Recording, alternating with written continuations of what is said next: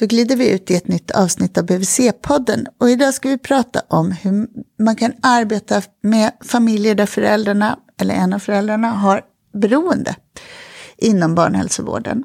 Och tillsammans med mig har jag Susanna, barnsjuksköterska på Rosalunds barnhälsovårdsteam. Och Johanna, barnsjuksköterska, också på Rosalunds barnhälsovårdsteam. Mm. Och vad är det för familjer som ni har hos er? Vi träffar familjer som har eller har haft ett, en, en beroendeproblematik. En drog eller alkoholberoende.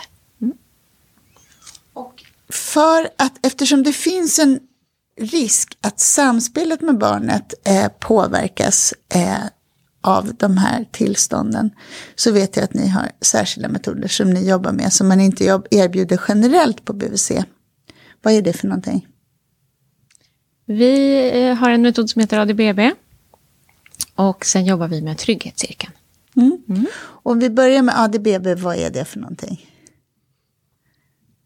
ADBB är ett bedömningsinstrument kan man säga, som, där vi, man tittar på barnets sociala utveckling och förmåga mm. till kommunikation. Och när gör ni det? Vi gör det när barnet är tre månader och när det är sex månader. Och sen gör vi det igen när barnet är 18 månader på ett uppföljande besök. Sen kan det ju vara så att vi gör det också vid något annat tillfälle om vi upplever att det är att vi tycker att vi har svårt att bedöma barnet och hur barnet mår och så, så kan man också använda det då. Och hur går det till i praktiken? Vad gör man? Så det är åtta punkter, kallar jag det nu då, som man tittar på. Eh, ska jag kunna rabbla de här? Du kan ge några exempel. Ögonkontakt, ljudproduktion, eh, Rörelsemönster? Ja. Aktivitet, aktivitet. aktivitet kan man säga, rörelseaktivitet. Relation, hur barnet vill ingå i samspel. Reaktionsförmåga. Mm.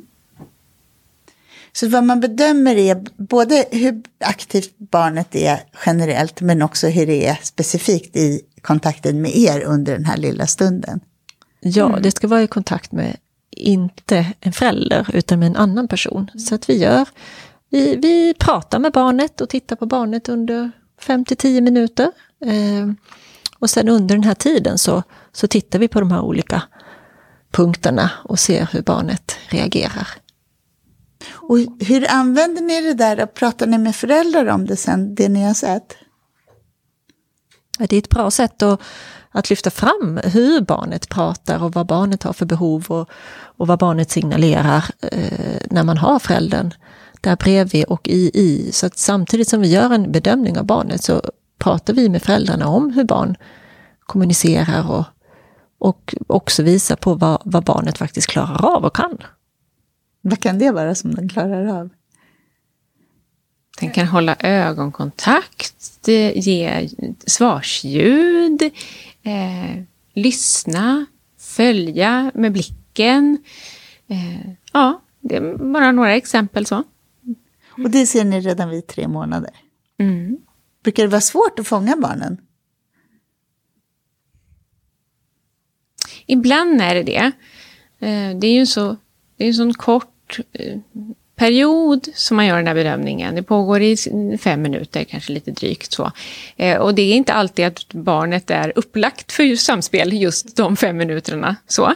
Det kan vara hungrigt eller trött eller, och, och, och beroende på vart barnet befinner sig egentligen och hur barnet mår så kan det ju vara svårare mm. eller lättare. Alltså.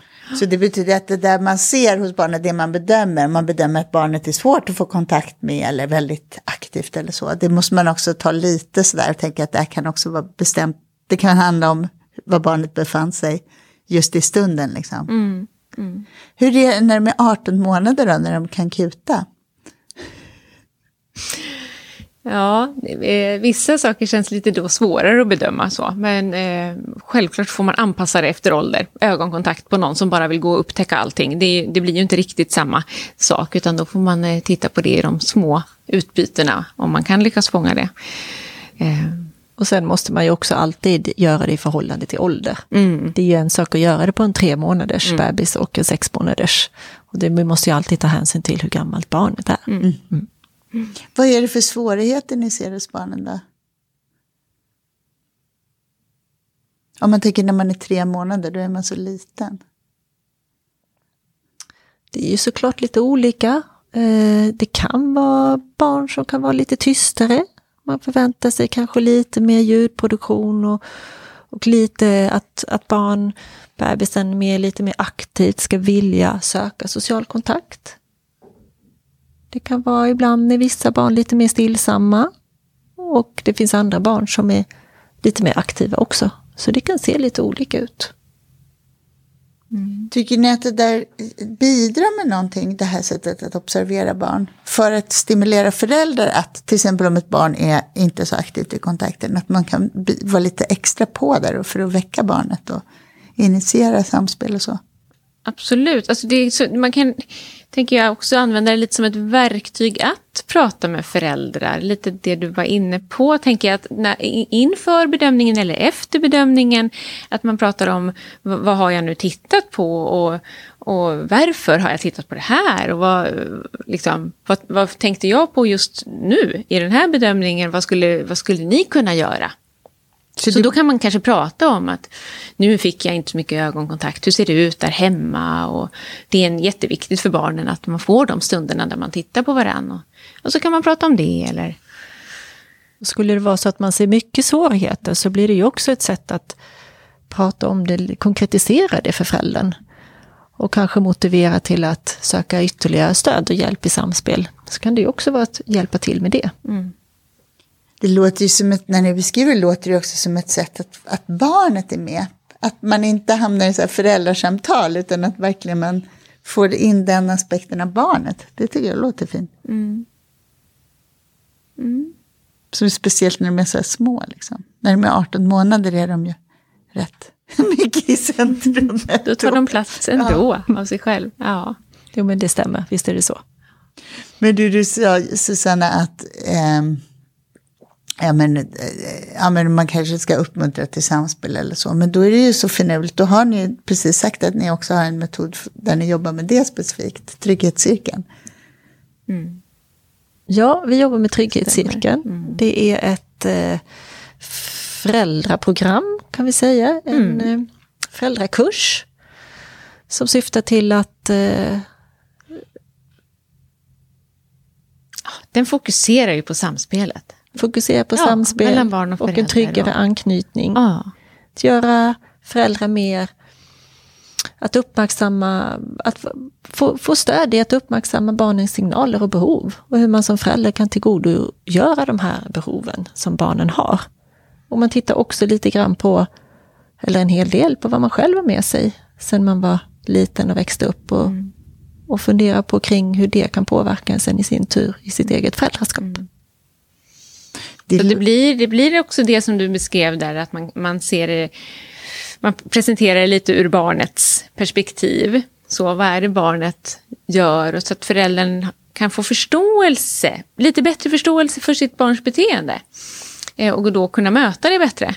Eh, och så får man kanske den komponenten med sig, eh, att, att förstå sig själv lite bättre. Jaha, varför reagerar jag som jag gör? Och hur, hur, hur vill jag göra? Lite redskap för att kanske bestämma hur man, hur man vill vara som förälder. Mm. Och som handlar just om en själv som anknytningsperson. Mm. Men det låter ju också som att det skulle kunna vara svårt eller liksom att det väcker mycket känslor också. Reflektera kring vad man har, vad har jag fått med mig själv, hur är jag och så. Hur mm. upplever ni de här träffarna?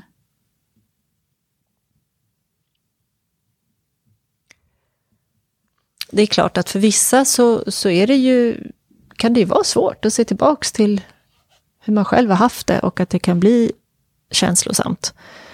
Eh, och där försöker vi som, vi är alltid två som håller i alla grupper så att man inte är ensam. Hur många Försök... kommer på grupperna? Det kan vara allt ifrån två till åtta. Ser lite olika ut. Under olika perioder.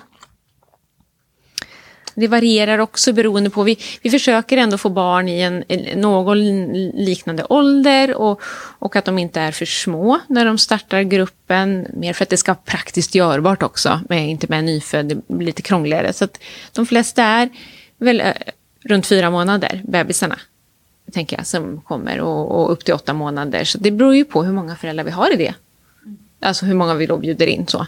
Men målsättningen är ju att erbjuda alla. Vi erbjuder alla ja, föräldrar vi erbjuder att delta. Alla under tiden de går hos oss. Absolut. Mm. Vad tycker ni att det har gett att ha de här grupperna?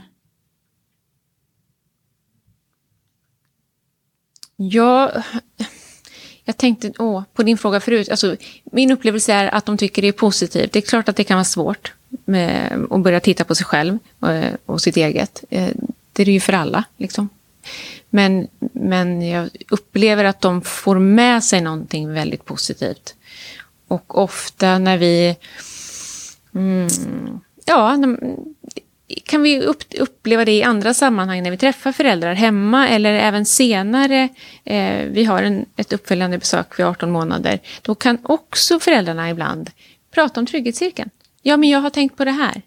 Just det, för jag minns det här från trygghetscirkeln. Så jag upplever att där, om, om någonstans, så får de med sig någonting eh, som handlar om relationen till sitt barn. Det är också något bekräftande i den där, jag menar, trygg, oj, förlåt, trygghetscirkeln är som en cirkel där barnet upptäcker världen och sen kommer hem och tankar trygghet hos mig som förälder. Det är något bekräftande i det där, mm. att, att jag är den personen för barnet också. Mm. Ja, och det, det, det, blir så tydligt i cirkeln, på, eller blir på ett konkret sätt tydliga, alltså det blir verktyg verkligen för föräldrarna att ta med sig. Annars pratar man ofta om anknytning och det är lite krångligt och lite luddigt och hur funkar det där egentligen? Och det här illustrerar det på ett väldigt tydligt sätt som jag tror att föräldrar kan ta till sig. Mm. Alla föräldrar. Ja. När ni säger föräldrar, är det föräldrar som kommer eller är det mammor? Det är, det är mestadels mammor. Eh, vi har, nu har vi lagt upp det så att vi har en eh, grupp för mammor och en för pappor. Men det är majoritet mammor som kommer. Vi har också haft lite olika, vi har provat oss fram lite. Vi har haft konstellation också, det var ett par som mm. har kommit. Eh, och det har fungerat också bra. Mm. Men nu så har vi lite fler pappor, vilket är väldigt roligt. Mm. Och vi försöker lägga upp det så att eh, lägga det på en tid på, på dagen. Så att de ska ha möjlighet att komma även om de jobbar. Mm. Eh, så det är någonting som vi jobbar mycket med, att få in mm. pappor. Mm. Men det är fortfarande mestadels mammor. Mm. En annan aspekt av ert jobb, det är ju som du sa när vi pratade förut Susanna, att många av familjerna som går hos er, de har också många andra kontakter. De kan ha kontakter i psykiatrin, de kan ha kontakter med socialtjänst, hos beroende och sådär. Och jag tänker att det där också kan prägla ert jobb, att ni också samverkar mycket med, eftersom ni jobbar över hela länet också. Ja, det präglar vårt jobb och dels att alla de här kontakterna finns såklart och vi ser väldigt positivt på samverkan. Så vi vill ju gärna hinna med och att samverka med alla de här. Eh, det är också så att det har ju jättestor betydelse för en förälder att, att hinna med att sköta sina kontakter. Eh, så där försöker vi nog också se till att vi får eh, att vi underlättar så gott det går för att få, få till det.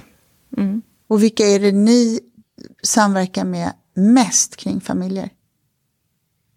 Det blir ju mest med socialtjänsten. Det är många av våra familjer som har kontakt med socialtjänsten på olika sätt. Det kan ju vara eh, det kan ju vara, många har kontakt med barnenheten men det kan ju också vara med försörjningsstöd eller andra delar.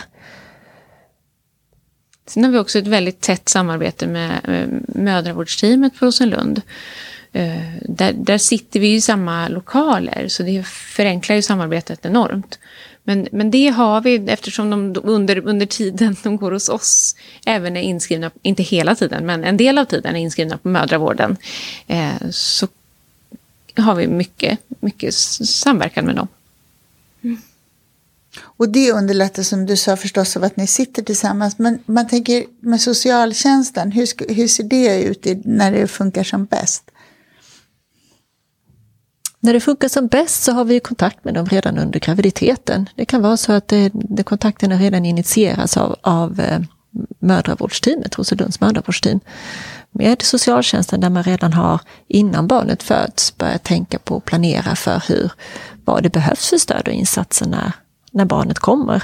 Och i bästa fall så är vi med redan då, har möjlighet att närvara vid möten under graviditeten. Och sen så att man har fortsatt en, en kontinuerlig dialog med socialtjänsten där vi kan prata om hur vi jobbar, vad vi ser och vad vi tänker tillsammans med föräldern, vad man kan behöva för stöd och att vi kan ha en dialog tillsammans med socialtjänsten, att man jobbar åt samma håll.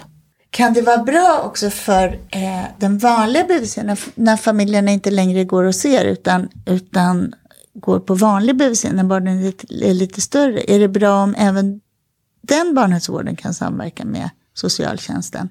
Om den där kontakten är kontinuerlig, tänker jag. Det är jättebra att man kan fortsätta ha en dialog och se hur man kan jobba tillsammans i familjen. Och det kommer ju nya utmaningar när, ju, när barnet blir större. Jag tänker på till exempel när barnet börjar förskolan så finns det ytterligare en kontakt där som, som kommer bli viktig i barnets liv. Sen beror det ju såklart på också hur, vad det är för insatser som familjen har. Och hur man, man jobbar vidare. Men att ha en kontakt är ju, och en dialog är ju alltid bra. Är det någonting mer kring specifikt hur ni jobbar på Rosenlunds barnhälsovårdsteam som jag har missat att fråga om? För de som inte hörde för, den förra podden, när vi pratade lite grann om hembesöket, så är det också en metod som vi jobbar utefter. Som jag kan nämna igen, att eh, där vi träffar familjerna i hemmet kontinuerligt varje vecka. Det är ju också en metod.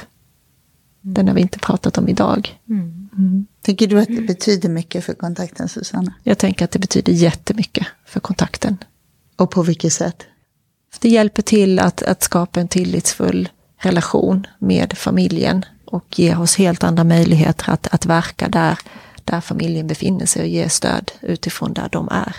Då tackar jag Johanna och Susanna och så glider vi ut i det här avsnittet.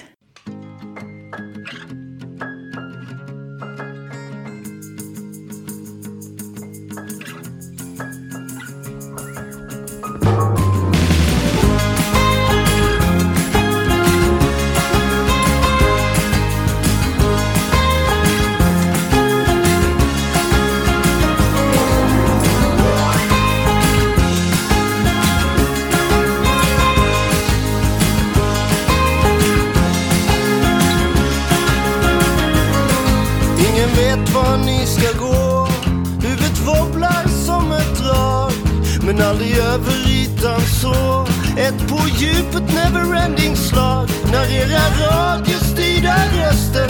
Ömsint kittlar min fantasi. Flipper spelas under impulserna för mitt självbedrägeri. När ni skjuter ut i natten finns det inget av mig kvar. Alla döda ögonskratten, bara vakten minns vem som var. När ni cementerar kvällen är det utan min frenesi. Den insomnade tunneln vaknar aldrig mer till liv. Ut i natt.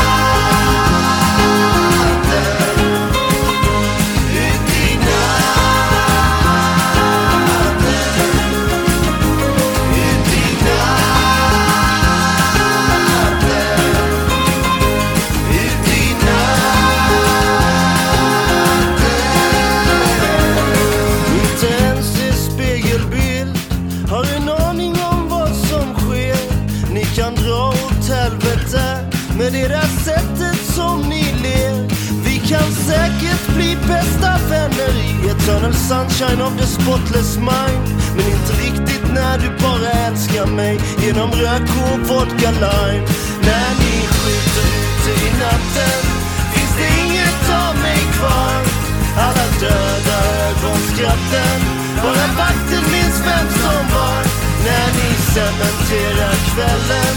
Är det utan min frenesi? Den insomnade tunneln vandrar aldrig mer till liv.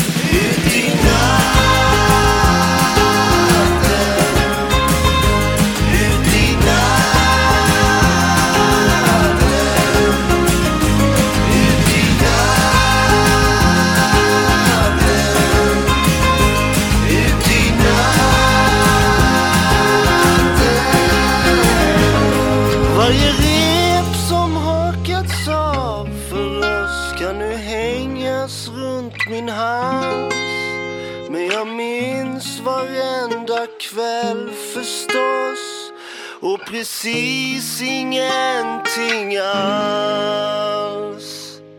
När ni skjuter ut i natten finns det inget av mig kvar. Alla döda ögonskratten, bara vakten minns vem som var. När ni cementerar kvällen är det utan min frenesi. Där ni somnade eternellen. vaknar